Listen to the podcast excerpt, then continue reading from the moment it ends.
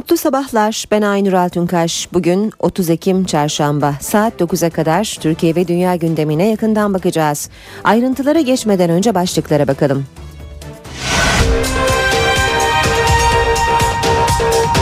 Çankaya Köşkü'nde Cumhuriyet'in ilanının 90. yıl dönümü nedeniyle resepsiyon düzenlendi. Yargıtay'ın balyoz kararları üzerinden kendisine istifa çağrıları yapılan Genelkurmay Başkanı Orgeneral Necdet Özel, beni hedef tahtasına oturtursanız bir süre sonra beni de bulamazsınız dedi.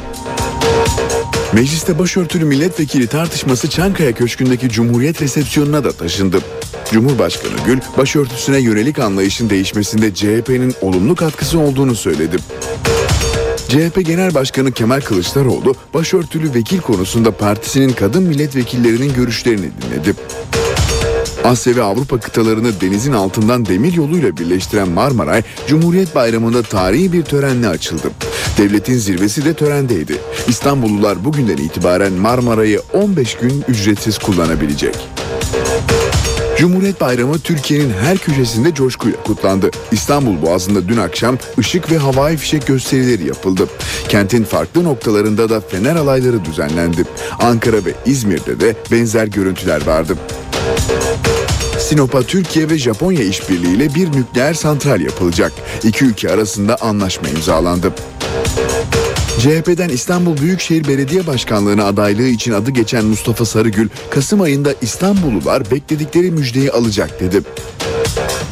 Ömerli Baraj göletinde pazar günü bindikleri kayığın devrilmesi sonucu kaybolan iki kişiden haber yok. Çalışmalarda bugün dördüncü gün. İşe giderken gazetelerin gündemi.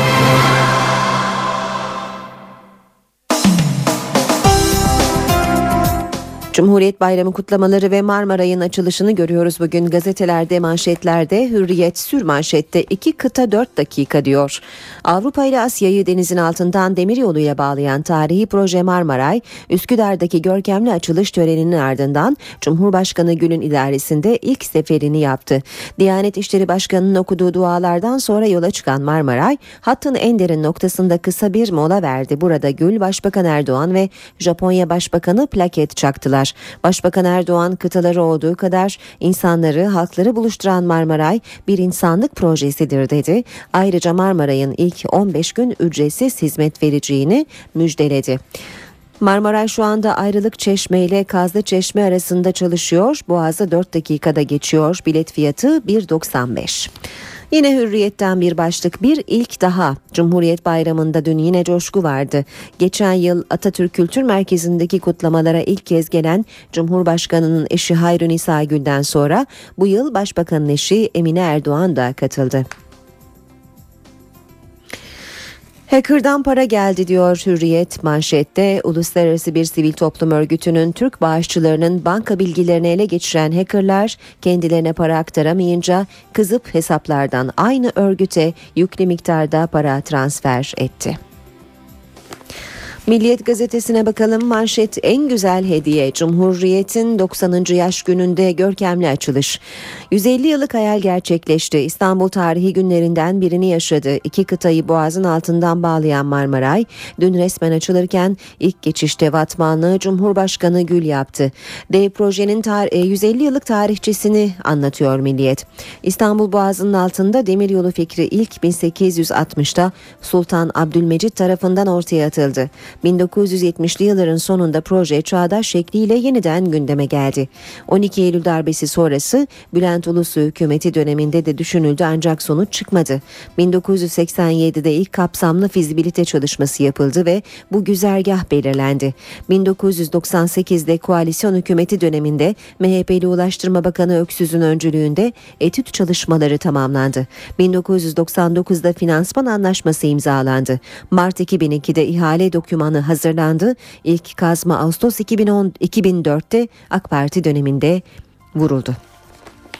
Japon Başbakan neden geldi diyor Milliyet. Japonya Başbakanı Shinzo Abe'nin açılışa katılmasının perde arkası ilginç. Erdoğan'a karşı özel bir sevgisinin olduğu bilinen Abe ile Başbakan olimpiyat oylamasında karar açıklandıktan sonra kucaklaşmıştı. Erdoğan Arjantin'de Abe'yi açılışa davet etmiş, Abe de orada verdiği sözü tutmak istemiş. Dış politikanın resmi görüşmelerden ibaret olmadığını düşünen Abe, İstanbul'a da tamamen kişisel nedenlerle gelmiş diyor Milliyet haberinde. Bir süre sonra beni bulamayabilirsiniz. Orgeneral Özel'den istifa çağrılarına yanıt. Cumhurbaşkanı Gül'ün köşkte verdiği 29 Ekim resepsiyonuna Genelkurmay Başkanı Orgeneral Özel'in sözleri damga vurdu. Balyoz kararlarından sonra istifa çağrıları yapılan Özel, beni hedef tahtasına oturtursanız ben de insanım bir süre sonra beni de bulamayabilirsiniz. Marjinal grupların istifa çağrılarına bakmam. İstifa onurlu ve kişisel bir iştir. Ama öyle Ahmet Mehmet istedi diye ben istifa etmem. Buraya elimi taşın altına koyarak geldim dedi. Sabah gazetesine geçelim. Manşet Cumhuriyeti taçlandırdık. Başbakan Erdoğan asrın projesini açtı. Cumhuriyetimizin 90. kuruluş yıl dönümünü Marmara'yla taçlandırıyoruz. Başörtüsü siyasetin bileceği bir konu. Cumhurbaşkanı Gül Cumhuriyet resepsiyonunda tarihi mesajlar verdi. Bizi cendereye sokan laiklik anlayışından uzaklaşıldı. Başörtüsünde eski anlayışın değişmesinde CHP'nin de katkısı oldu. Başörtüsü için meclis iç düzüğünde engel yok siyasetin bileceği bir konu dedi. Cumhuriyet gazetesine bakalım. Her yer Cumhuriyet diyor gazete manşette. Halk 90. yıl gururunu alanlarda yaşadı. Sivil toplum örgütleri ve siyasi partilerin çağrısıyla Ankara'da Tandoğan Meydanı dolduran on binler Cumhuriyet'in 90. yılını coşkuyla kutladı. Resmi törenlerin dışında İstanbul ve İzmir başta olmak üzere tüm Türkiye'de yürüyüşler, fener alayları ve konserler düzenlendi. Yurttaşlar Atatürk ve devrimlerinin koruyucusu olduğunu bir kez daha haykırdı. İzmir Gündoğdu'da toplanan yüz binlerce kişi aynı anda andamızı okudu diyor Cumhuriyet gazetesi. İstanbul'daki İstanbul'da Taksim üzerinden Dolmabahçe'ye yürümek isteyen yurttaşlara polisin izin vermediğine de yer veriyor Cumhuriyet gazetesi haberinde. Star gazetesi muhteşem doğum günü diyor. Manşetinde sultanların hayali asrın projesi Asya ile Avrupa'yı deniz altından tünelle bağlayan Marmaray Cumhuriyet'in 90. doğum gününde muhteşem bir törenle hizmete girdi diyor. Star gazetesi haberinde. Bariyersiz Cumhuriyet başlığını da görüyoruz Star'da. Cumhuriyet'in 90. yılı tüm Türkiye'de coşkuyla kutlandı. Çankaya'daki 29 Ekim resepsiyonunda Cumhurbaşkanı mecliste başörtüsüne engel yok dedi. Devam ediyoruz. Zaman gazetesiyle Marmaray kıtaları birleştirdi. 153 yıllık rüya gerçek oldu diyor Zaman manşette. Sultan Abdülmecit'in hayal ettiği, Sultan Abdülhamit'in çizimlerini yaptırdığı 153 yıllık proje Marmaray'ın açılışı dün yapıldı. Cumhurbaşkanı Abdullah Gül, tüp geçidin sadece İstanbul'un iki yakasını değil, Atlas Okyanusu'nu Hint Okyanusu'yla birleştirdiğini söyledi. Başbakan Erdoğan, Marmaray 15 gün ücretsiz müjdesini verirken, Diyanet İşleri Başkanı Görmez'in duasının ardından ilk sefer gerçekleştirildi. Sırada Yeni Şafak var. Yine Marmaray'ın açılışını görüyoruz Yeni Şafak'ta da manşette. Tarih yazdık başlığıyla Yeni Türkiye'nin simgesi Marmaray hizmete girdi diyor. 15 gün bedava hizmet vereceği bilgisi de yine yer almış haberde. 62 metrede hatıra levhası ilk Marmaray seferinde tren tünelin en derin noktasında yani eksi 62 metrede mola verdi. Bu sırada davetliler hatıra fotoğrafı çektirdi. Gül Erdoğan Abe üzerinde Asya Avrupa yazan levhayı duvara sabitledi. Devam edelim yine Yeni Şafak'tan okumaya. Başörtülü vekile hiçbir engel yok. Cumhurbaşkanı Abdullah Gül Çankaya Köşkü'nde verdiği 29 Ekim resepsiyonunda başörtülü vekillerin meclise girmesiyle ilgili hiçbir engel yok dedi. Habertürk'le devam ediyoruz. Habertürk'ün manşeti Türkiye'nin gururu. Bir buçuk asırlık hayal Cumhuriyet'in 90. yaşında gerçek oldu demiş. Habertürk gazetesi de hemen altında da Cumhuriyet kutlamaları var. Türkiye 29 Ekim'i büyük coşkuyla kutladı. Kurucuya teşekkürler diyor Habertürk başlıkta. Cumhuriyet Bayramı Anıtkabir töreniyle başladı. Köşkte resepsiyonla sona erdi. İstanbul Boğazı'ndaki havai fişek ve ses e, gösterilerine ait bir de büyük fotoğrafı görüyoruz. Hemen yanında da Anıtkabir'deki e, kutlamalardan bir fotoğraf yer almış. Habertürk'ün birinci sayfasında Orgeneral Necdet Özel'in istediler diye istifa etmem sözleri de yine başlıkta. Radikalle bitirelim bu bölümü. Radikal'in manşeti arkeolojide 100 yılın keşfi Hititler İstanbul'da. Küçükçekmece Gölü Havzası'ndaki Batonea arkeolojik kazılarında Avrupa kıtasında ilk kez Hur yani erken Hitit izine rastlandı. Arkeoloji dünyasına göre bu son yılların en önemli keşfi. Yeni Kapı'daki Neolitik dönem bulgularından sonra Batonea kazısında Hitit izi bulundu. Kültür Bakanı Ömer Çelik İstanbul'un aydınlanmayı bekleyen bir dönemini ortaya çıkarıyoruz dedi. Radikal'in sürmanşetinde de hem 29 Ekim kutlamalarını hem de e, Marmaray'ın açılışından notları görüyoruz. Saat 7.17 NTV Radyo'da işe giderken de gündeme yakından bakmaya başlayalım. Cumhuriyet'in ilanının 90. yıl dönümü nedeniyle dün akşam Çankaya Köşkü'nde resepsiyon düzenlendi. Genelkurmay Başkanı Orgeneral Necdet Özel, Yargıtay'ın balyoz kararları üzerinden kendisine yönelik istifa çağrıları ile ilgili ilk kez konuştu. Beni hedef tahtasına oturtursanız bir süre sonra beni de bulamazsınız dedi. Özel'in gündeminde Suriye sınırındaki gerginlik ve Çinli firmanın kazandığı uzun menzilli hava savunma sistemi ihalesi de vardı. Orgeneral Özel istifa etmeyeceğini söyledi. İstifa onurlu ve kişisel bir iştir. Ahmet Mehmet istedi diye istifa etmem. Milletin güvenine bakarım. Ben buraya elimi taşın altına koyarak geldim. Çok zor bir dönemde geldim. Oraya buraya gelmek gibi bir beklentim yok. Her türlü siyasi akımdan uzağım. Ben silahlı kuvvetleri siyasallaştırmamak için çalışıyorum. Türk Silahlı Kuvvetleri mutlak itaat ve disipline bağlı bir kurumdur. Bir zafiyet olursa Türkiye'nin bekasını etkiler. Beni hedef tahtasına oturtursanız bir süre sonra beni de bulamazsınız. Orgeneral Özel Suriye sınırındaki gerginliğe de değindi. Türk uçaklarının Suriye'nin Resulan kasabasını bombaladığı iddialarını kesin bir dille yalanladı.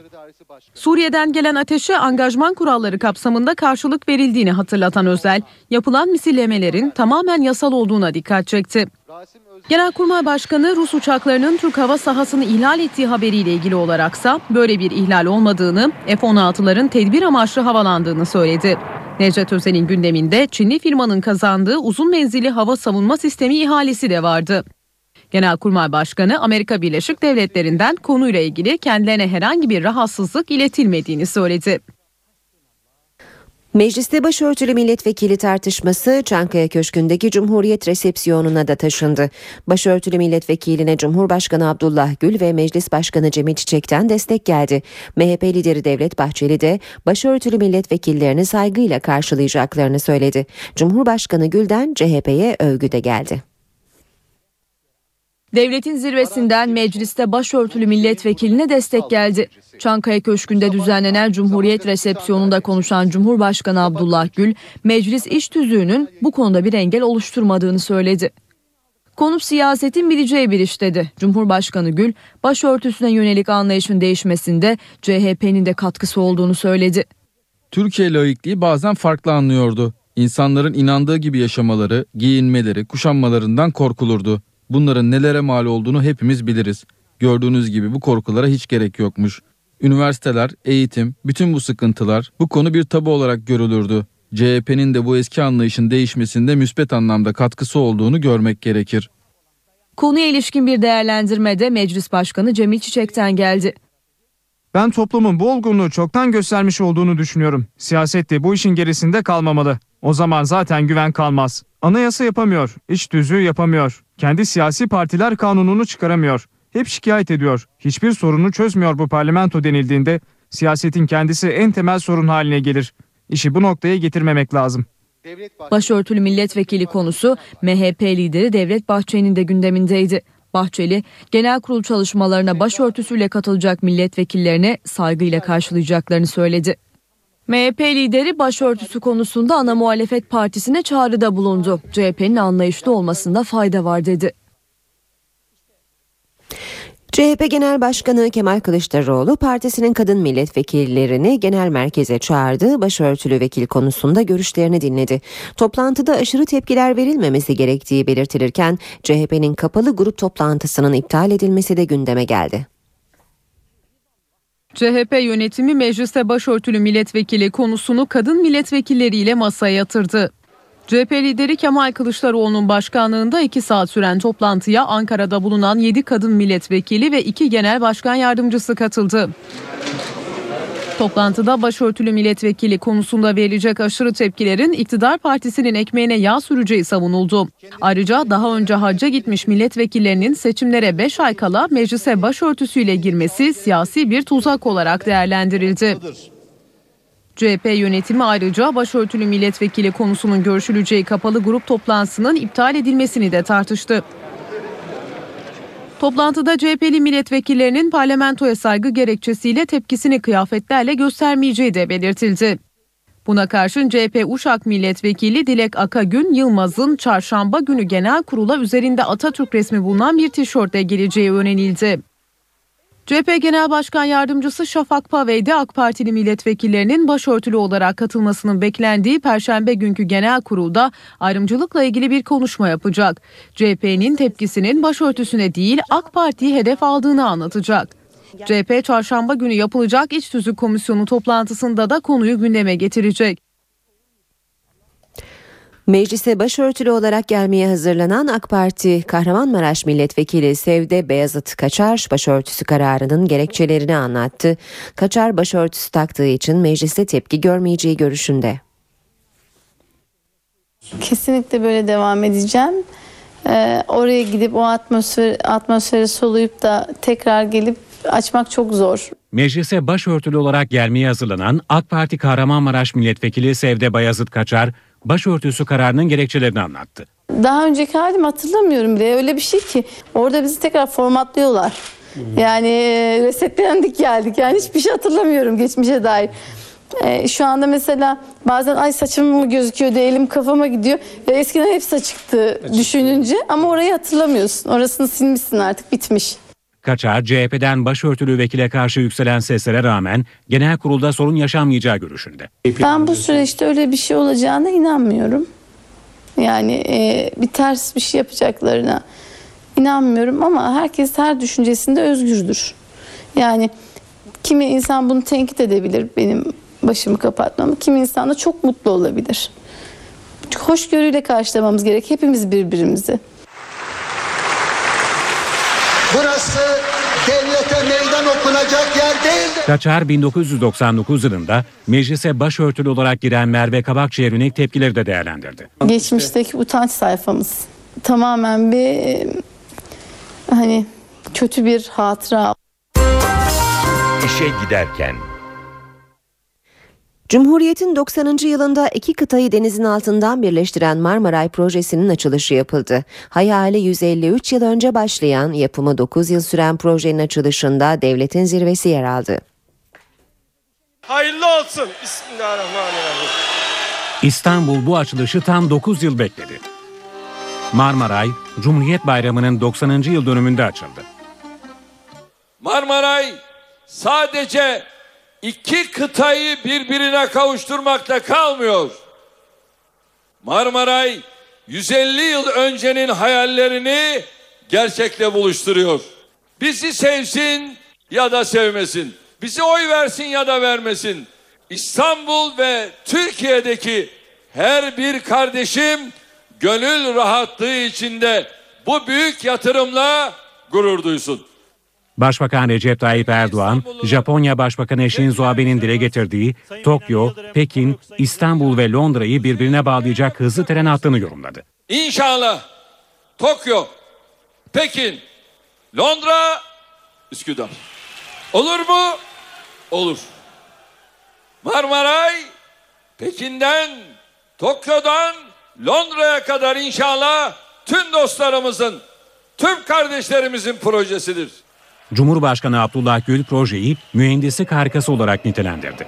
Pekin'le Londra'nın arasını bağlayan bir tünel olmuş oldu bu. Bu kadar büyük bir proje. Meclis Başkanı Cemil Çiçek de açılışta konuştu. İki yakası bir araya gelemeyen bir Türkiye'den iki kıtanın yakasını bir araya getiren bir güne bir mutluluğa ulaştıysak gerçekten Cenab-ı Hakk'a çok şükretmeliyiz. Projeyi yürüten Ulaştırma, Denizcilik ve Haberleşme Bakanı Binali Yıldırım, Marmaray'ın dönüm noktası olduğunu söyledi.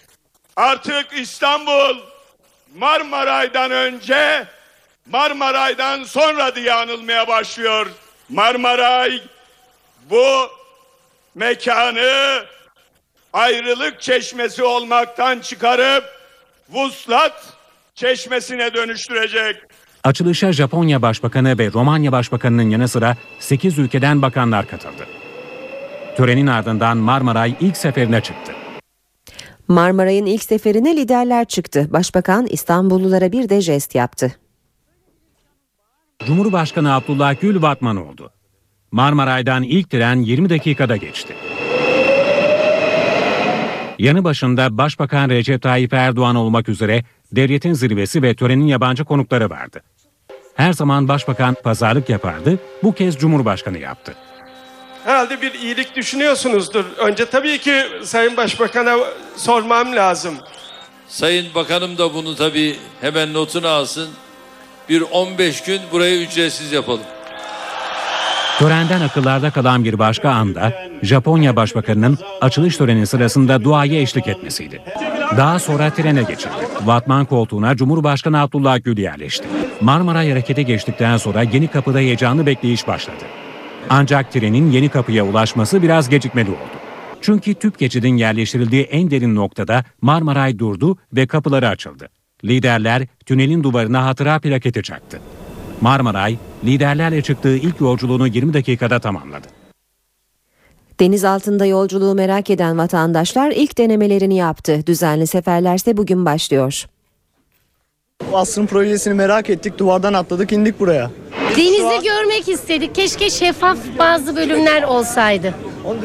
Biz şu an e, yeni kapıdan bindiğimizden dolayı Üsküdar'a çıkınca ancak karşıda olduğumuzu anlayabileceğiz. Şu an bize karşılamışız gibi gelmiyor. Üsküdar'dan hareket ettik. Şu anda İstanbul Boğazı'nın altındayız. Asya'dan Avrupa'ya geçiyoruz. Denizin 62 metre altındayız. Efendim nasıl bir şey? Fark edilmiyor. Gayet hızlı, güzel, heyecanlı. Ama fark edilmiyor. Siz? Yani denizin altından geçtiğimizi hissettirmeyecek derecede rahat ve konforlu. Yeni Kapı istasyonunda indik. Yolculuğumuz yaklaşık 8 dakika sürdü. Boğaz'ın 62 metre altından ilerledik. Şimdi Yeni Kapı'da indik. Trende şu anda Kazlıçeşme'ye doğru yani son durağa doğru gidiyor. Avrupa ve Asya'yı birleştiren proje Marmaray'ın resmi açılışı yapıldı. Proje dış basında da geniş yer buldu. Gelen yorumlar Osmanlı İmparatorluğu'nun 150 yıllık hayalinin gerçekleştiği noktasında birleşti. İngiltere'de yayınlanan Independent gazetesi dün açılışı yapılan Marmara için dünyanın iki kıtayı birleştiren ilk denizaltı tüneli yorumunu yaptı. AFP haber ajansı Osmanlı Sultanı Abdülmecid'in 150 yıllık rüyasının gerçekleştiği yorumunda bulundu. Alman Der Tagesspiegel gazetesi ise Marmaray projesini rakamlarla anlattı. CNN International'da projeyi modern İpek yolu olarak tanımladı.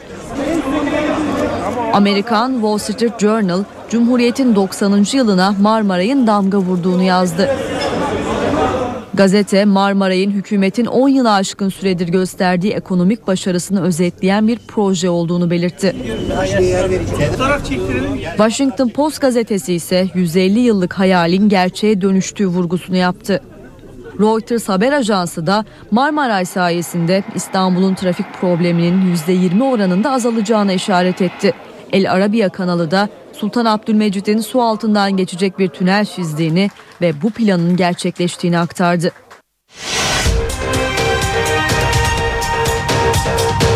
Çankaya Köşkü'nde Cumhuriyet'in ilanının 90. yıl dönümü nedeniyle resepsiyon düzenlendi. Yargıtay'ın balyoz kararları üzerinden kendisine istifa çağrıları yapılan Genelkurmay Başkanı Orgeneral Necdet Özel, beni hedef tahtasına oturtursanız bir süre sonra beni de bulamazsınız dedi.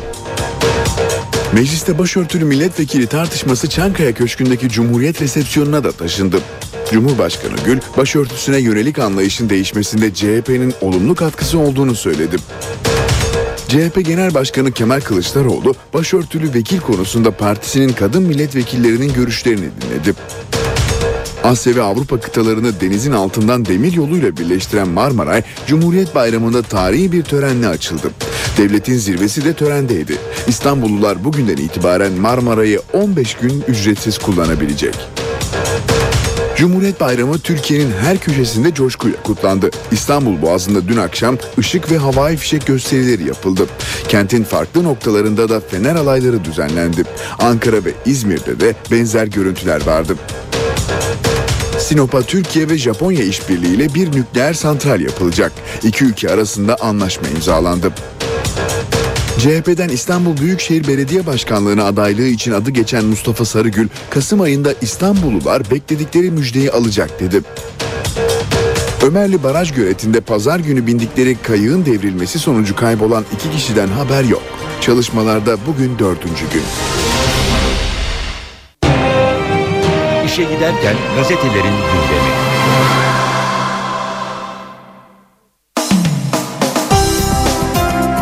Gazetelerde Cumhuriyet Bayramı kutlamaları ve Marmaray'ın açılışını görüyoruz. Manşetlerde hızlıca geçelim spor haberlerine bakacağız. Milliyet'te en güzel hediye manşeti var.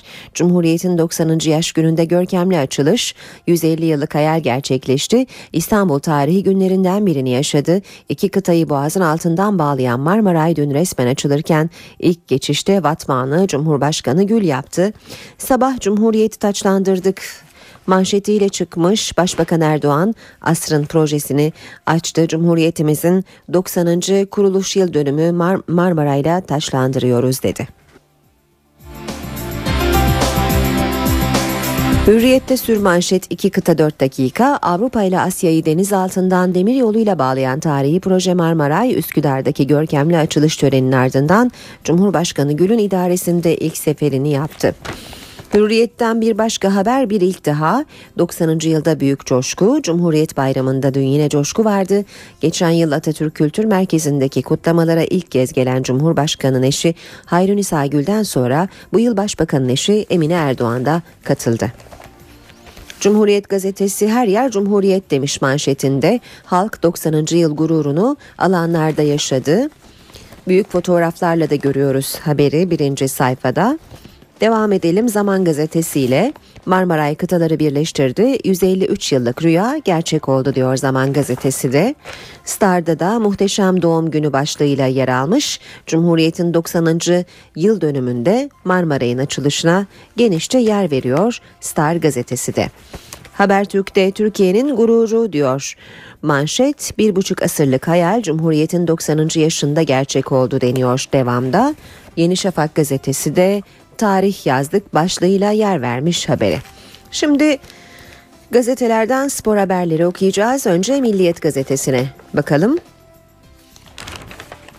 Kilit isim Koç diyor Milliyet. Başkan vekilliği için eski yol arkadaşı Ali Koç'u düşünen Fenerbahçe Başkanı 3 Temmuz sürecinde kader birliği yaptığı yol arkadaşından cevap bekliyor. Bu yüzden Perşembe günü düzenlemeyi düşündüğü basın toplantısını Cuma'ya kaydıran Yıldırım olumsuz yanıt alması halinde Nihat Özdemir'i iknaya çalışacak. Cumhuriyet e, coşkusu başlığını görüyoruz Milliyet'te. Fenerbahçe, Beşiktaş ve Galatasaray dün yaptıkları antrenman öncesinde Cumhuriyet Bayramı'nı kutladılar. Üç büyük kulübün futbolcuları idmana başlamadan açtıkları Türk bayrağıyla objektiflere poz verdiler. Devam edelim Milliyet'ten okumaya. Loca'da İbra sohbeti. Galatasaray Başkanı Kopenhag maçından sonra locasında gollerini izlediği Paris Saint Germain'in İsveç'te yıldızı İbrahimovic'e göz dikti. Aysal'ın bu adam gerçekten çok iyi.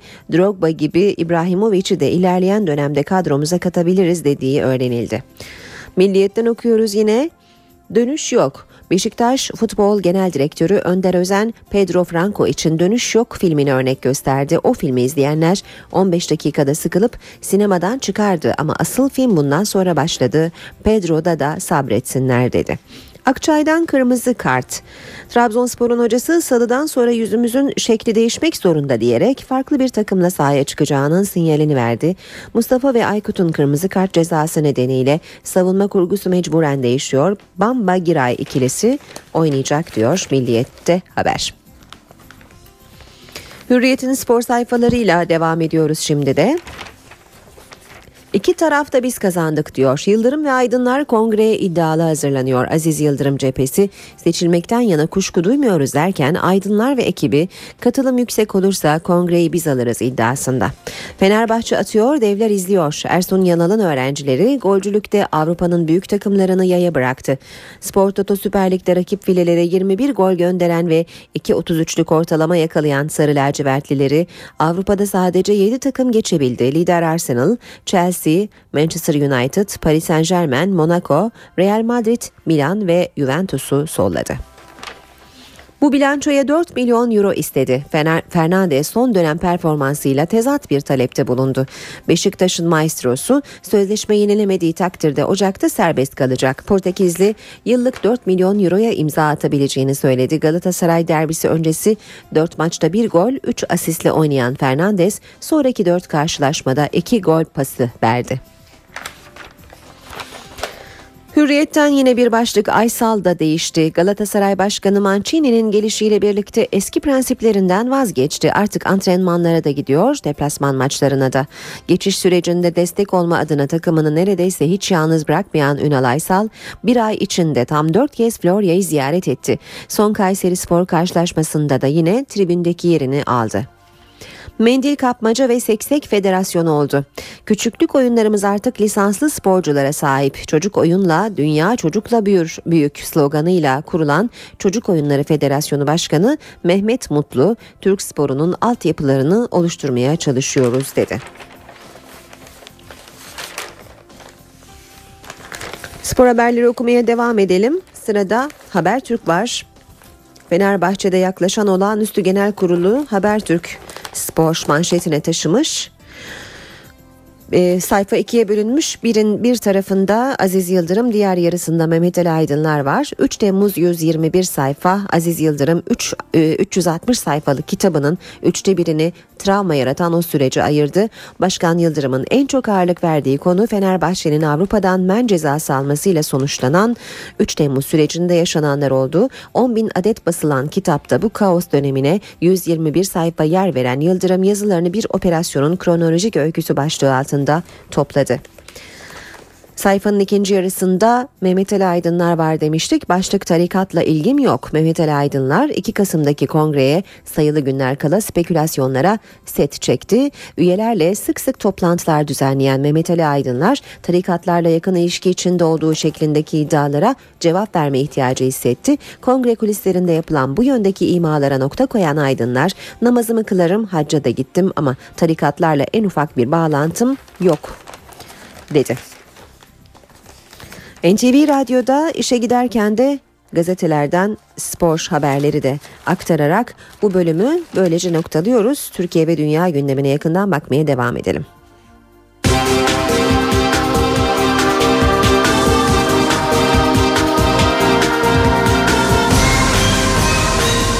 İşe giderken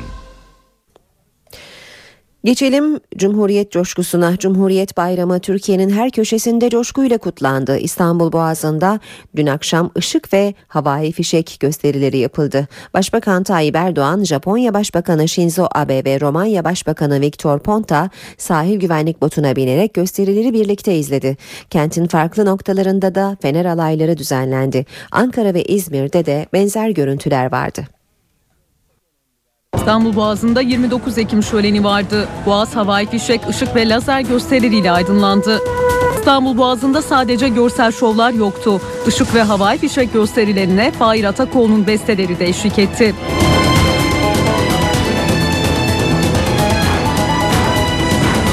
Kutlamaların en coşkulu olduğu noktalardan biri de Kadıköy'dü. Bağdat Caddesi'ndeki yürüyüş Suadiye'den başladı, Göztepe'de sona erdi. Ayrıca pek çok farklı yerde Fener Alayı düzenlendi. Ankara'da Sakarya Caddesi'nden birinci meclisin bulunduğu noktaya meşaleli yürüyüş gerçekleşti. İzmir ve Bursa'da da binlerce kişi 29 Ekim'i birlikte kutladı. Fener alayları düzenlendi. Lazer ve barkovizyon gösterileri yapıldı. Alternatif bayram kutlamaları da yapıldı. O kutlamalardan biri Ankara Tandoğan Meydanı'ndaydı. Meydanda CHP lideri Kemal Kılıçdaroğlu da vardı. CHP Ankara İl Başkanlığı Cumhuriyet Bayramı'nı alternatif bir programla kutladı. Mitinge Atatürkçü Düşünce Derneği, Çağdaş Yaşamı Destekleme Derneği ve DİSK'in aralarında bulunduğu 50'ye yakın sivil toplum örgütüyle bazı siyasi partilerde destek verdi. Mitingde Atatürk Orkestrası sahnedeydi. CHP lideri Kemal Kılıçdaroğlu mitingde konuştu. Hedefinde Başbakan Recep Tayyip Erdoğan vardı. Onurumuz olan yiğit kadınlara sesleniyorum. Sizin bedeniniz üzerinden, kıyafetiniz üzerinden siyaset yapanlara ders vermek sizin boynunuzun borcudur. Kimsin sen her söylediğin yerine gelecek diye. Parlamentoyu kendi arka bahçesi haline getirmek istiyor. Kılıçdaroğlu konuşmasının sonunda mitinge katılanlarla birlikte gençlik marşını söyledi. Teşekkür ediyor Kemal Kılıçdaroğlu. Sevdalımlarla her yerindesin, dinlesin. 29 Ekim Cumhuriyet Bayramı nedeniyle İstanbul Beyoğlu'nda çeşitli noktalarda toplanan gruplar Taksim'e yürümek istedi. Zaman zaman grupla polis arasında arbede yaşandı. Galatasaray Lisesi önünde toplanan bir grup Taksim Meydanı'na doğru yürüyüşe geçti. Grubun önünü kesen Çevik Kuvvet Polisi ve eylemciler arasında arbede yaşandı. Oda Kule'de ise İşçi Partisi İl Başkanlığı'nda toplanan eylemciler Taksim'e yürümek istedi. Polisin izin vermediği eylemciler Şişhane istikametine yönlendirildi. Kız Kulesi'ne çıkan bir grup ise pankart açtı. Pankart deniz polisi tarafından indirildi. İki kişi gözaltına alındı.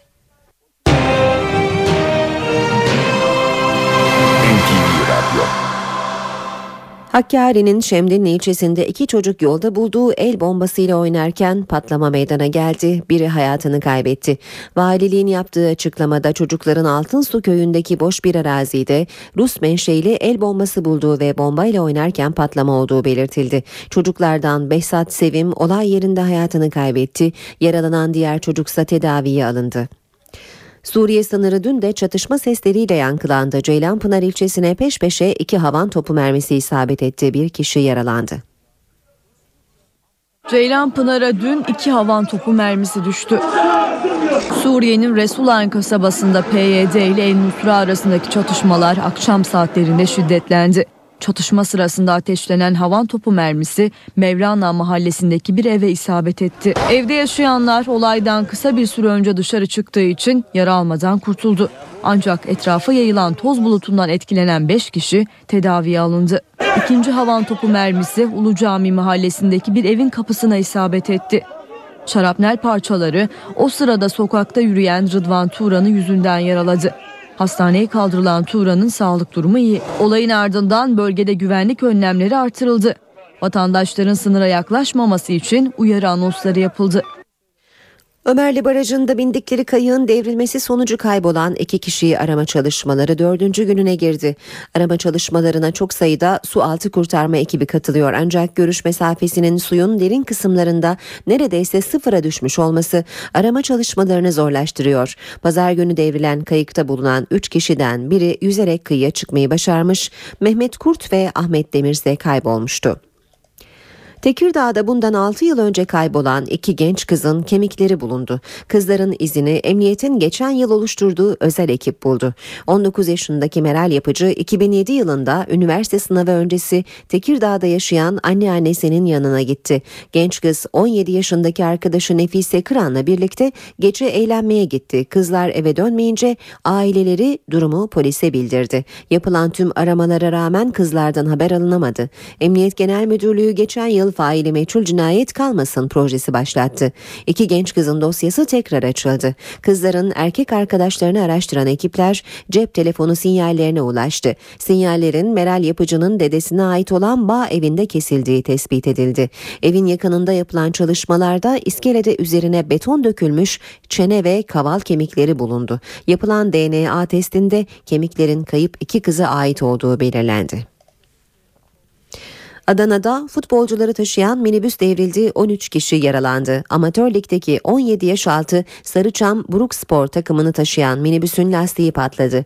Yüzbaşı köyü yakınlarında kontrolden çıkan araç yan yattı. Kazada yaralanan futbolcular ve kulüp yöneticileri hastanelere kaldırıldı. İki futbolcunun hayati tehlikesi var.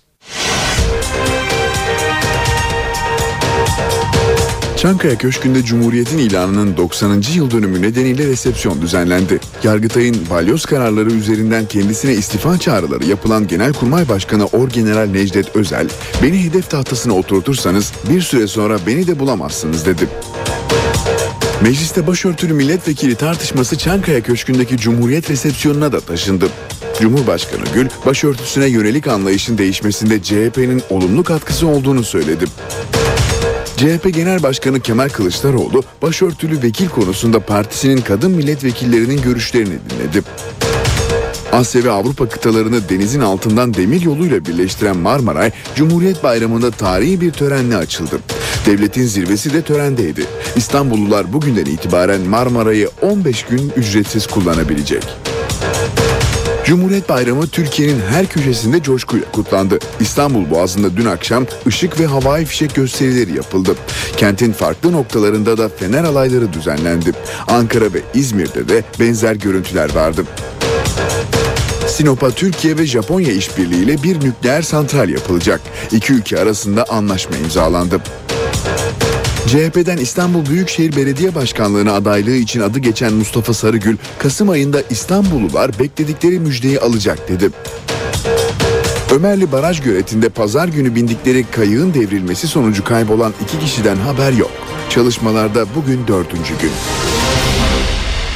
Gökhan Abur yanımızda. Günaydın Sayın Abur. Günaydın. Önce isterseniz Kuzey Avrupa'yı etkileyen can kayıplarına neden olan fırtına ile başlayalım. Evet. Ee, bu fırtınanın e, ülkemize doğru gelme ihtimali var mı? Şimdi normal koşullarda bu sistemi oluşturan İzlanda alçak basıncı, İzlanda alçak basıncı bu mevsimde Biskay Körfezi üzerinden geçerek Akdeniz'e gelir. Bir kısmı Adriyatik üzerinden Akdeniz'e girer ve bizi etkiler. Bizde Ekim ve Kasım ayları Lodos aylarıdır ama biz Lodos'u henüz e, görmedik.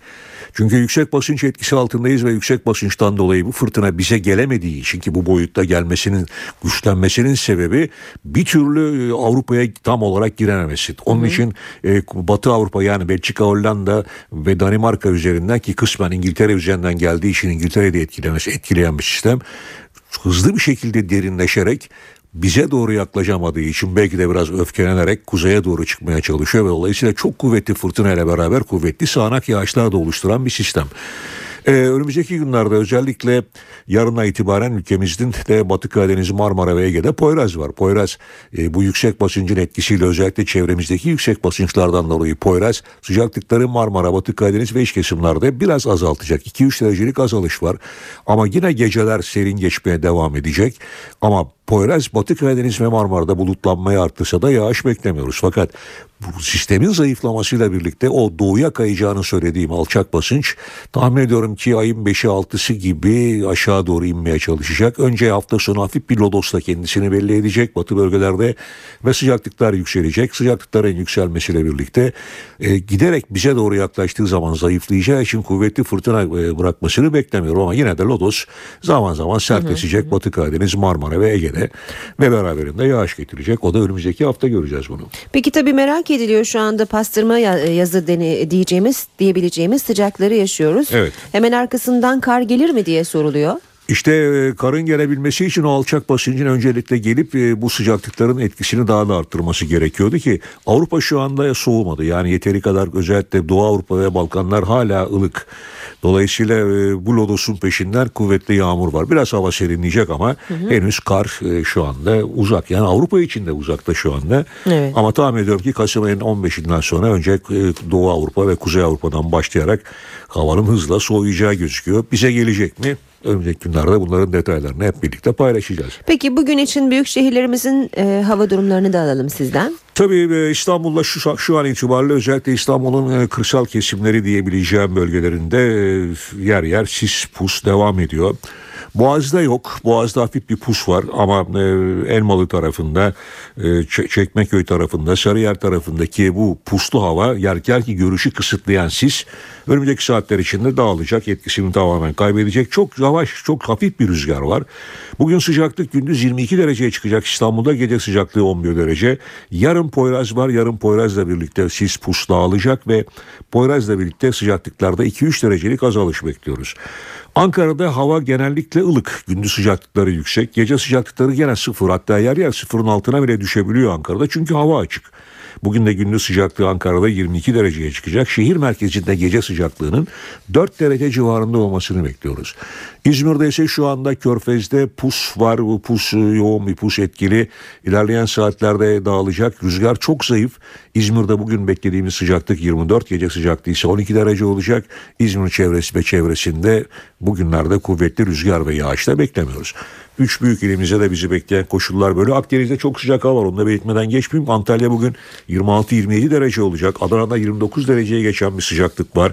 Yani Akdeniz ve Güney Ege yazı, yazı yaşıyor. Devam ediyor. Evet. Gökhan Abur teşekkür ben ediyoruz. Teşekkür ediyorum. İşe giderken gazetelerin gündemi.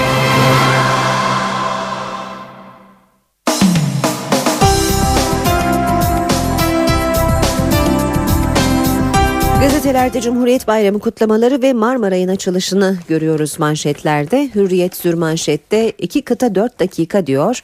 Avrupa ile Asya'yı deniz altından demir yoluyla bağlayan tarihi proje Marmaray, Üsküdar'daki görkemli açılış töreninin ardından Cumhurbaşkanı Gül'ün idaresinde ilk seferini yaptı. Hürriyette manşet hacker'dan para geldi. Uluslararası bir sivil toplum örgütünün Türk bağışçılarının banka bilgilerini ele geçiren hackerlar kendilerine para aktaramayınca kızıp hesaplardan aynı örgüte yüklü miktarda para transfer etti. Beni de bulamazsınız. Çankaya Köşkü'ndeki Cumhuriyet resepsiyonuna katılan Genelkurmay Başkanı Orgeneral özel istifa çağrılarını yorumladı. Buraya elimi taşın altına sokarak çok zor bir dönemde geldim. Ahmet Mehmet istedi diye istifa etmem. Türk Silahlı Kuvvetleri'ni siyasallaştırmamak için çalışıyorum. Bir zafiyet Türkiye'nin bekasını etkiler. Hedef tahtasına oturtursanız bir süre sonra beni de bulamazsınız dedi Özel.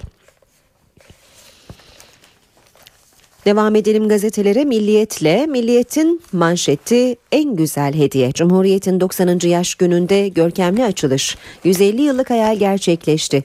İstanbul tarihi günlerinden birini yaşadı.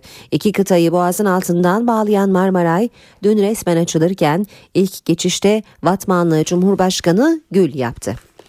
Kayıp kızların kemiği bulundu. Tekirdağ'da 6 yıl önce üniversiteye giriş sınavı öncesi eğlenmek için evden çıkan ve bir daha izlerine rastlanamayan Meral Yapıcı ile Nefise Kıran'ın sahilde gömülmüş kemikleri bulundu. Meral Yapıcı'nın dedesine ait aynı bölgede bağ evinin duvarlarında silinmiş kan izlerine rastlanırken kemiklere yapılan DNA incelemesi kimlikleri doğruladı. Polis şimdi katili arıyor. CHP türbana direnmeyecek. CHP lideri Kılıçdaroğlu dün partisinin 7 kadın milletvekilini genel merkeze çağırarak AK Partililerin meclise başörtüsüyle gelmesi halinde e, izlenecek karşı yöntemi anlattı. Merve Kavakçı örneğini hatırlatan Kılıçdaroğlu partisinin başörtüsüne direnmemesi gerektiğini söyleyerek o görüntüler bir daha yaşanmayacak. Bizim parlamentoya saygımız var. Bu AKP'nin gündemi değiştirmeye yönelik bir hamlesi bir seçim yatırımıdır. Bu iki yüzlülüğü deşifre edeceğiz. Ekmeklerine yağ sürmeyeceğiz dedi. Sabah gazetesinde manşet Cumhuriyeti taçlandırdık. Başbakan Erdoğan asrın projesini açtı. Cumhuriyetimizin 90. kuruluş yıl dönümünü Marmaray'la taçlandırıyoruz dedi. Hükümetten Türkiye'ye hediye. Cumhurbaşkanı Gül Marmaray'ın açılışında konuştu. Çok büyük bir mühendislik harikası. Bu projelerle hep beraber gurur duyacağız. Bu istikrar ve huzur sürdükçe millete yenileri sunulacak. Hükümet bu anlamlı günde çok büyük bir hediyeyi Türkiye'ye verdi dedi. Törene Japonya Başbakanı Shinzo Abe de katıldı. Abe, Marmaray'ın dünyada örneği yok. Herkes başarınızdan söz ediyor. Gelin şimdi Tokyo'dan kalkıp İstanbul'dan geçip Londra'ya uzanan hızlı trenin hayalini birlikte kuralım dedi. Başörtüsü siyasetin bileceği bir konu. Cumhurbaşkanı Gül Cumhuriyet resepsiyonunda tarihi mesajlar verdi. Bizi cendereye sokan laiklik anlayışından uzaklaşıldı. Başörtüsünde eski anlayışın değişmesinde CHP'nin de katkısı oldu. Başörtüsü için meclis iç düzüğünde engel yok, siyasetin bileceği bir konu dedi. Zaman gazetesine bakalım. Manşeti zamanın Marmaray kıtalar arası e, kıtaları birleştirdi. 153 yıllık rüya gerçek oldu. Sultan Abdülmecit'in hayal ettiği, Sultan Abdülhamid'in çizimlerini yaptırdığı 153 yıllık proje Marmaray'ın açılışı dün yapıldı diyor zaman. Cumhurbaşkanı Abdullah Gül, tüp geçidin sadece İstanbul'un iki yakasını değil Atlas Okyanusu'nu Hint Okyanusu'yla birleştirdiğini söyledi. Başbakan Erdoğan Marmaray 15 gün ücretsiz müjdesini verirken Diyanet İşleri Başkanı Görmez'in duasının ardından ilk sefer gerçekleştirildi. Geçelim Cumhuriyet gazetesine. Her yer Cumhuriyet diyor manşetinde gazete. Halk 90. yıl gururunu alanlarda yaşadı. Sivil toplum örgütleri ve siyasi partilerin çağrısıyla Ankara'da Tandoğan Meydanı'nı dolduran on binler Cumhuriyet'in 90. yılını coşkuyla kutladı. Resmi törenlerin dışında İstanbul ve İzmir başta olmak üzere tüm Türkiye'de yürüyüşler, fener alayları ve konserler düzenlendi. Yurttaşlar Atatürk ve devrimlerinin koruyucusu olduğunu bir kez daha haykırdı. İzmir Gündoğdu'da toplanan yüz binlerce kişi aynı anda andımızı okudu diyor Cumhuriyet gazetesi. Yeni Şafak'a bakalım. Tarih yazdık diyor Yeni Şafak'ta manşette. Yeni Türkiye'nin simgesi Marmaray hizmete girdi deniyor. Bir başka başlıkta başörtülü vekile hiçbir engel yok sözünü okuyoruz. Cumhurbaşkanı Gül Çankaya Köşkü'nde verdiği 29 Ekim resepsiyonunda başörtülü vekillerin meclise girmesiyle ilgili hiçbir engel yok dedi. Habertürk gazetesi Türkiye'nin gururu demiş manşetinde bir buçuk asırlık hayal Cumhuriyet'in 9. yaşında gerçek oldu. Açılış töreninde dua edilirken çekilmiş bir fotoğrafı görüyoruz. Ve yine Hürriye, e, Habertürk e, Habertürk'ün birinci sayfasında kurucuya teşekkürler başlığı da dikkat çekiyor. Türkiye 29 Ekim'i büyük coşkuyla kutladı. Cumhuriyet Bayramı Anıtkabir töreniyle başladı. Köşkte resepsiyonla sona erdi. İstanbul Boğazı'ndaki havai fişek gösterisinden ve Anıtkabir'deki törenden fotoğrafları da görüyoruz. Habertürk'ün birinci sayfasında. Star gazetesi manşette muhteşem doğum günü diyor. Sultanların hayali asrın projesi Asya ile Avrupa'yı deniz altından tünelle bağlayan Marmaray'ın Cumhuriyet'in 90. doğum gününde muhteşem bir törenle hizmete girdiğini okuyoruz. Star gazetesinde de bir başka başlık bariyersiz Cumhuriyet. Cumhuriyet'in 90. yılı tüm Türkiye'de coşkuyla kutlandı. Çankaya'daki 29 Ekim resepsiyonunda Cumhurbaşkanı mecliste başörtüsüne engel yok dedi diyor Star gazetesi de. Radikal'de de sür manşette hem Marmaray'ın açılışı hem de bayram coşkusu, Cumhuriyet Bayramı coşkusunu görüyoruz. Manşet ise Hititler İstanbul'da. Arkeolojide 100 yılın keşfi. Küçükçekmece Gölü Havzası'ndaki Batonea arkeolojik kazılarında Avrupa kıtasında ilk kez Hur yani erken Hitit izine rastlandı. Arkeoloji dünyasına göre bu son yılların en önemli keşfi. Yeni Kapı'daki Neolitik dönem bulgularından sonra Batonea kazısında Hitit izi bulundu. Kültür Bakanı Ömer Çelik, İstanbul'un aydınlanmayı bekleyen bir dönemini ortaya çıkarıyoruz dedi. Saat 8.21 NTV Radyo'da işe giderken de şimdi başkente uzanacağız ve karşımızda NTV muhabiri Özgür Akbaş olacak. Özgür günaydın. Günaydın Aynur. E, bugün de başkenti hareketli bir gün bekliyor. Neler olacak bize anlatır mısın Özgür? Evet gündemde bugün kritik başlıklar var. Özellikle bugün tam 14 yıl sonra e, hatırlayacaksınız Merve Kavakçı Meclis Genel Kurulu'na türbanıyla girmiş ancak yemin edemeden e, çıkartılmak durumunda kalmıştı. İşte 14 yıl sonra yeniden Meclis Genel Kurulu'nda türbanlı bir milletvekili görme ihtimali ortaya çıktı. Demokratikleşme paketinde türbanın kamuda kullanılmasının önünün açılmasının ardından AK Partili kadın milletvekilleri türbanla meclise girme kararı aldılar. Hangi milletvekilleri onlar? Ee, Konya Milletvekili Günay Samancı, Denizli Milletvekili Nurcan Dalbudak, Kahramanmaraş Milletvekili Sevda Beyazıt Kaçar. İnandığımız gibi yaşayalım diyorlar ve bu anlamda meclise başörtüsüyle girme kararı aldılar. Bugün ya da yarın genel kurula başörtüsüyle girmeleri söz konusu olabilir. Ama bu konuda özellikle ana muhalefetin Cumhuriyet Halk Partisi'nin e, bir eylem hazırlığı içinde olduğunu da söyleyelim. Aslında dün akşam CHP lideri Kemal Kılıçdaroğlu kadın milletvekilleriyle bir araya geldi. Onların bu konuyla ilgili görüşlerini aldı ve orada e, bu konuyla ilgili aşırı tepki vermekten kaçınalım uyarısında bulundu Kemal Kılıçdaroğlu. Ama bugün de Cumhuriyet Halk Partisi'nin en önemli gündem maddesi bu konu. Önce e, Merkez Yönetim Kurulu toplantısında ele alınacak e, türbanlı milletvekili konusu ve ayrıca Cumhuriyet Halk Partisi'nin bugün mecliste kapalı grup toplantısı var. O kapalı grup toplantısında da bu konu tüm yönleriyle ele alınacak.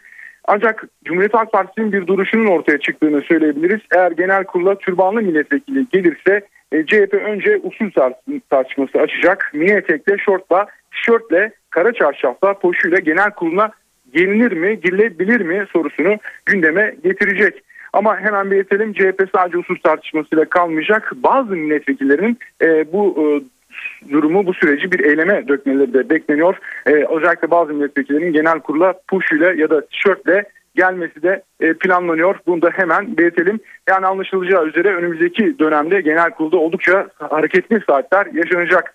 Gündemin özellikle siyasetin ikinci kritik konusuna geçelim. Anayasa Uzlaşma Komisyonu'nda kabul edilen 60 maddenin genel kurula getirilip getirilmemesi. Bu konuda hatırlayacaksınız AK Partili e, kurmaylar e, geçen hafta Cumhuriyet Halk Partisi Grup Başkan Vekillerini ziyaret etti ve CHP'den bir yanıt bekleniyor. İşte o yanıtın CHP'nin o yanıtının bugünkü Merkez Yönetim Kurulu toplantısında ortaya çıkması bekleniyor. Eğer CHP evet derse özellikle tutuklu milletvekilleri konusunda önemli bir gelişmenin yaşanabileceğini de söyleyelim. Ama CHP'nin evet demesi yeterli değil.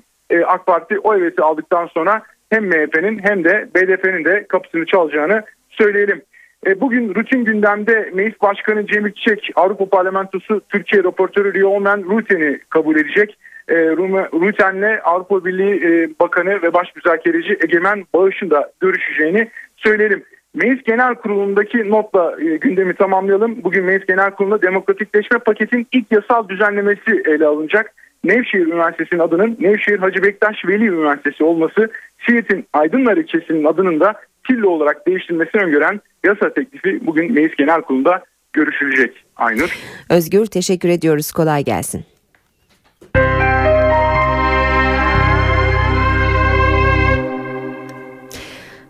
Sinop'a Türkiye ve Japonya işbirliğiyle bir nükleer santral yapılacak. İki ülke arasında anlaşma imzalandı. Ayrıntıları Japonya Başbakanı ile birlikte Başbakan Recep Tayyip Erdoğan anlattı. En ileri teknolojiyi Japonya şu anda bizim Sinop nükleer enerji santralimizde müşterek birlikte yapacağımız çalışmalarla inanıyorum ki bu yatırımda ortaya koyacaklardır. Hem bu Japonya Türkiye ve Japonya arasında Sinop nükleer enerji santralinin yapımı için anlaşma imzalandı. Başbakan Recep Tayyip Erdoğan ve Japonya Başbakanı Shinzo Abe Dolmabahçe'deki Başbakanlık ofisinde santral ile ilgili çalışmaları anlattı. Başbakan Erdoğan milyonda bir de olsa tehlike var dedi. Bir Fukushima olayı vardır ama biz şunu da biliyoruz ki kaza hiçbir zaman yüzde yüz yoktur denilemez. Milyonda bir de olsa böyle bir tehlike, böyle bir e, kaza olabilir. Araçlara biniyoruz ve araçlar kaza yapıyor. E şimdi kaza yapıyor diye araca binmeyecek miyiz? Uçaklara binmeyecek miyiz? Japonya Başbakanı Erdoğan'ın dikkat çektiği tehlike için önlemlerin alındığını söyledi. Fukushima'dan aldığımız dersleri tüm dünya ile paylaşarak nükleer enerjinin gelişmesine katkıda bulunmak bizim ülke olarak sorumluluğumuz. Başbakan Erdoğan, Romanya Başbakanı Viktor Ponta ile de görüştü. Erdoğan'ın o görüşmedeki gündem maddesi iyi niyetli olarak yorumladığı Avrupa Birliği ilerleme raporuydu. İdari noktada attığımız adımlar Avrupa Birliği'nde e, çok ciddi bir olumlu ses getirdi. Şu anda e, yani Merkel'in de güven oyundan sonra hükümeti kurmasından sonra e, bir davetini bekliyoruz. Kendilerinin böyle bir ifadesi oldu şahsıma. Şişli Belediye Başkanı Mustafa Sarıgül'ün CHP'ye katılımı ve İstanbul Büyükşehir Belediye Başkanlığı adaylığı bir süredir gündemde. Mustafa Sarıgül dün belki kesin konuşmadı ama Kasım sonuna, Kasım ayına vurgu yaptı. Cumhuriyet Bayramı kutlamalarına katılan Sarıgül, Kasım ayında İstanbullular inşallah müjdeyi alacak dedi. Kasım önemli bir ay, güzel bir ay. Kasım e, İstanbul için de çok önemli bir ay olacak.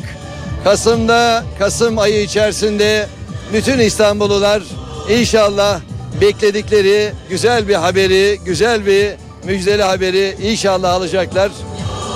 Kasım ayında İstanbullular hiçbir siyasi parti farkı gözetmeden ötekisi olmayan bir anlayışla inşallah o müjdeleri haber alacaklar. Ayın 9'u çok önemli bir gün. 9 Kasım'da inşallah Ankara'da olacağız. İstanbul'un iki yakasını denizin altından birbirine bağlayan Marmaray dün açıldı. Seferler de bugün başladı. NTV ekibinden Baran Bila şu anda Yeni Kapı istasyonunda ilk günden izlenimlerini dinliyoruz. Şöyle özetleyebiliriz. Çift taraflı olarak yaklaşık 10 dakikada bir seferler gerçekleşiyor. Sadece Sirkeci istasyonunda zaman zaman trenler teknik bir aksaklıktan dolayı duramıyor. Bunun dışında seferlerde herhangi bir aksama veya problem yok. Ayrıca yoğunluk oluştuğunu söyleyebiliriz. İlk gün olmasına rağmen özellikle karşı tarafta Ayrılık Çeşme ve Üsküdar duraklarında vatandaşlar sık sık Marmara'yı kullanmaya başladı. Bunun yanı sıra bütün durakların ortalamasını aldığımız zaman da bekleyenler belki bir metrobüs durağı bir metro durağında olduğu kadar yoğun olmasa da yine de kalabalık bir şekilde Marmara'yı kullanmaya başladılar diyebiliriz. Biraz daha ayrıntılarına girmek gerekirse projenin örneğin istasyonlardan bahsedelim. Yapıyı aynı metro istasyonlarında olduğu gibi düşünün. Ancak daha geniş, daha ferah buna rağmen sadece biz tek bir merdiven kullanarak Yeni Kapı istasyonunda örneğin istasyondan trenin kalkacağı noktaya ulaşabildik. 5 duraktan oluşuyor Marmara güzergahı. Ayrılık Çeşme, Üsküdar, Sirkeci, Yeni Kapı ve Kazlı Çeşme bu da 13,5 kilometrelik bir mesafe anlamına geliyor. Ve bu mesafe 18 dakikada kat edilebiliyor. Bunun yanı sıra Üsküdar ve Sirkeci arası sadece 3-4 dakika. Bu da Boğaz'ın 60 metre derininden Asya'dan Avrupa'ya geçebileceğiniz anlamına geliyor. Bunun yanı sıra 15 bin yol, e, düzeltiyorum 70 bin yolcu kapasite e, taşıma kapasitesine sahip Marmaray ücreti de 1 lira 95 kuruş. Ancak hatırlatalım bize bir kez daha 15 gün boyunca Marmaray ücretsiz olarak hizmet verecek. Ve şimdi piyasalara bakalım. E, borsada bir buçuk günlük Cumhuriyet Bayramı tatili vardı. Bugün yeniden işlemler başlıyor. En son kapanışta BIST 100 endeksi 293 puan artmıştı ve 79.565 puandan günü tamamlamıştı. Bu sabah dolar serbest piyasada 1.99 euro 2.73'ten işlem görüyor. Euro dolar paritesi 1.37, dolar yen 98 düzeyinde. Altının onsu 1344 dolar, kapalı çarşıda külçe altının gramı 87, Cumhuriyet altını 590, çeyrek altın 140 liradan işlem görüyor. Brent petrolün varili 109 dolar.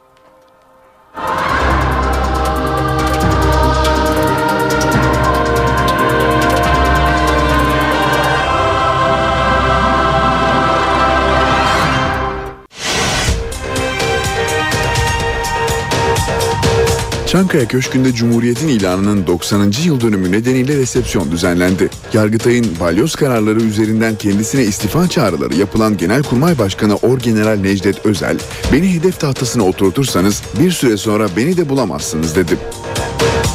Mecliste başörtülü milletvekili tartışması Çankaya Köşkü'ndeki Cumhuriyet resepsiyonuna da taşındı.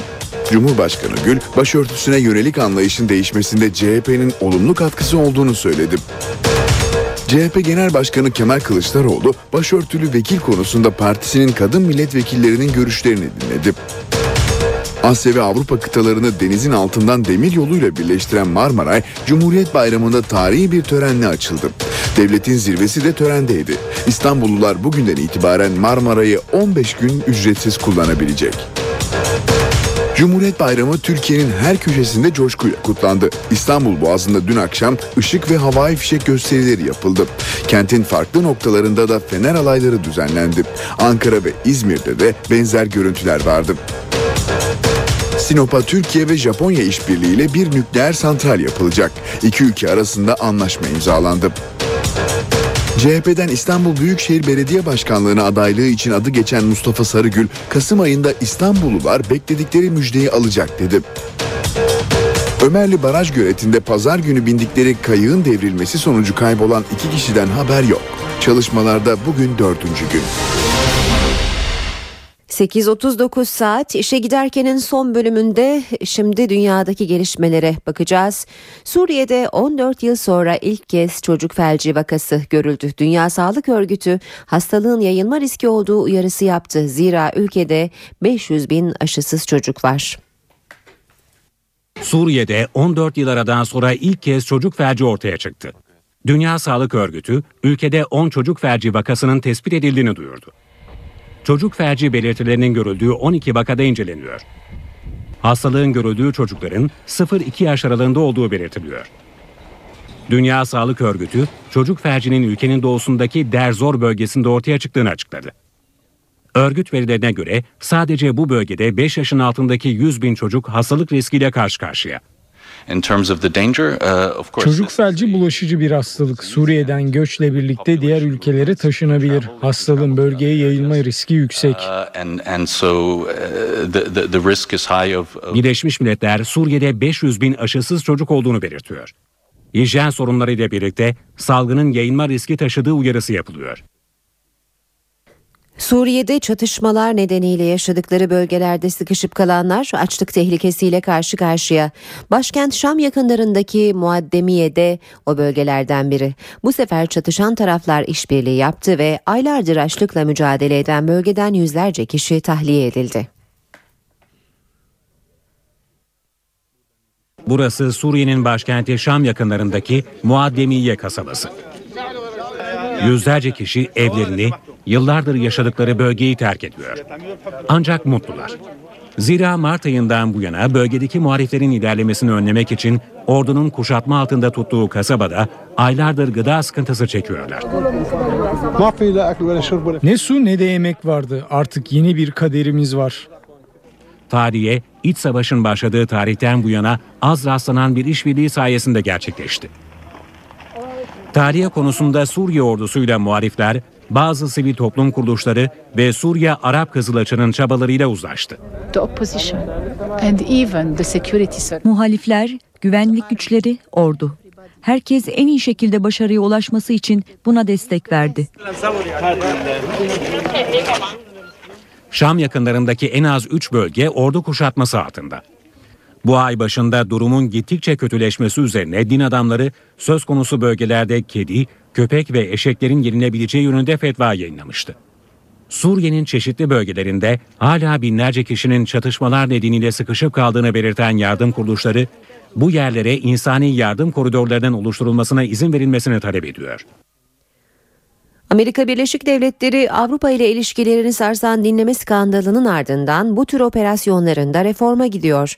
Başkan Obama'nın müttefik ülkelerin liderlerinin dinlenmesini yasaklayacağından söz ediliyor. Amerika'da Ulusal Güvenlik Teşkilatı'nın karıştığı dinleme skandalı nedeniyle Obama yönetimi üzerindeki baskı artıyor. Tepkiler nedeniyle Senato İstihbarat Komitesi dinleme programını topyekün gözden geçirmeye hazırlanıyor. Beyaz Saray yetkililerine göre de Barack Obama müttefik ülkelerin liderlerin izlenmesine son vermeyi değerlendiriyor. Yetkililer ifşaatların ardından izleme faaliyetleriyle ilgili olarak değişiklikler yapılabileceğini söyledi. Bir televizyona mülakat veren Obama ise dünya liderlerinin dinlendiği iddialarına değinmemeyi tercih etti. Basında dile getirilen varsayımlara değinmeyeceğim. Ulusal güvenlik operasyonlarının tek bir amacı var. O da Amerikalıların güvenliğini sağlamak. Obama, Ulusal Güvenlik Teşkilatı'nın faaliyetlerinin kontrol altında tutulmasının amaçlandığını söyledi. Ulusal Güvenlik Teşkilatı'na ne yönde ilerleyeceklerini biz söylüyoruz. Ancak teşkilatın kapasitesinin geliştiğini ve büyüdüğünü gördük. Bu yüzden Ulusal Güvenlik Teşkilatı'nın ne yapması ve yapmaması gerektiğini belirlemek için bir inceleme başlattım. Washington'ın müttefikleri Brezilya, Meksika, Almanya, Fransa ve İspanya, Angela Merkel dahil 34 dünya liderinin dinlendiği iddialarına ilişkin Beyaz Saray'dan bir açıklama bekliyor. Amerikalı yetkililerse Obama'nın bu yaza kadar yabancı liderlerin dinlendiğinden haberi olmadığını öne sürüyor. Yunanistan'ın eski Dışişleri Bakanı Theodoros Pangalos, Yunan istihbaratının 1990'lı yılların sonunda Atina ve Ankara'daki Amerikalı büyükelçileri dinlediğini açıkladı. Pangalos, Amerika Birleşik Devletleri'nin Almanya ve Yunanistan'ın da aralarında bulunduğu birçok ülkede hükümetleri dinlemesinin şaşırtıcı olmadığını belirtti. Pangalos katıldığı radyo programında 1995-99 yılları arasında ben bakanken Yunan İstihbarat Örgütü hem Atina'daki hem Ankara'daki Amerikalı elçi elçilerin telefon görüşmelerini başarıyla dinliyordu dedi. Pangalos her sabah istihbarat örgütünün masama bıraktığı dosyada Amerikalı elçilerin ağza alınmayacak küfürlü konuşmalarını okurken katıla katıla gülüyorduk ifadesini kullandı. Bu haberle işe giderken sona erdi. Saat başında NTV Radyo'da haber merkezi kuşağı başlayacak. Hoşçakalın.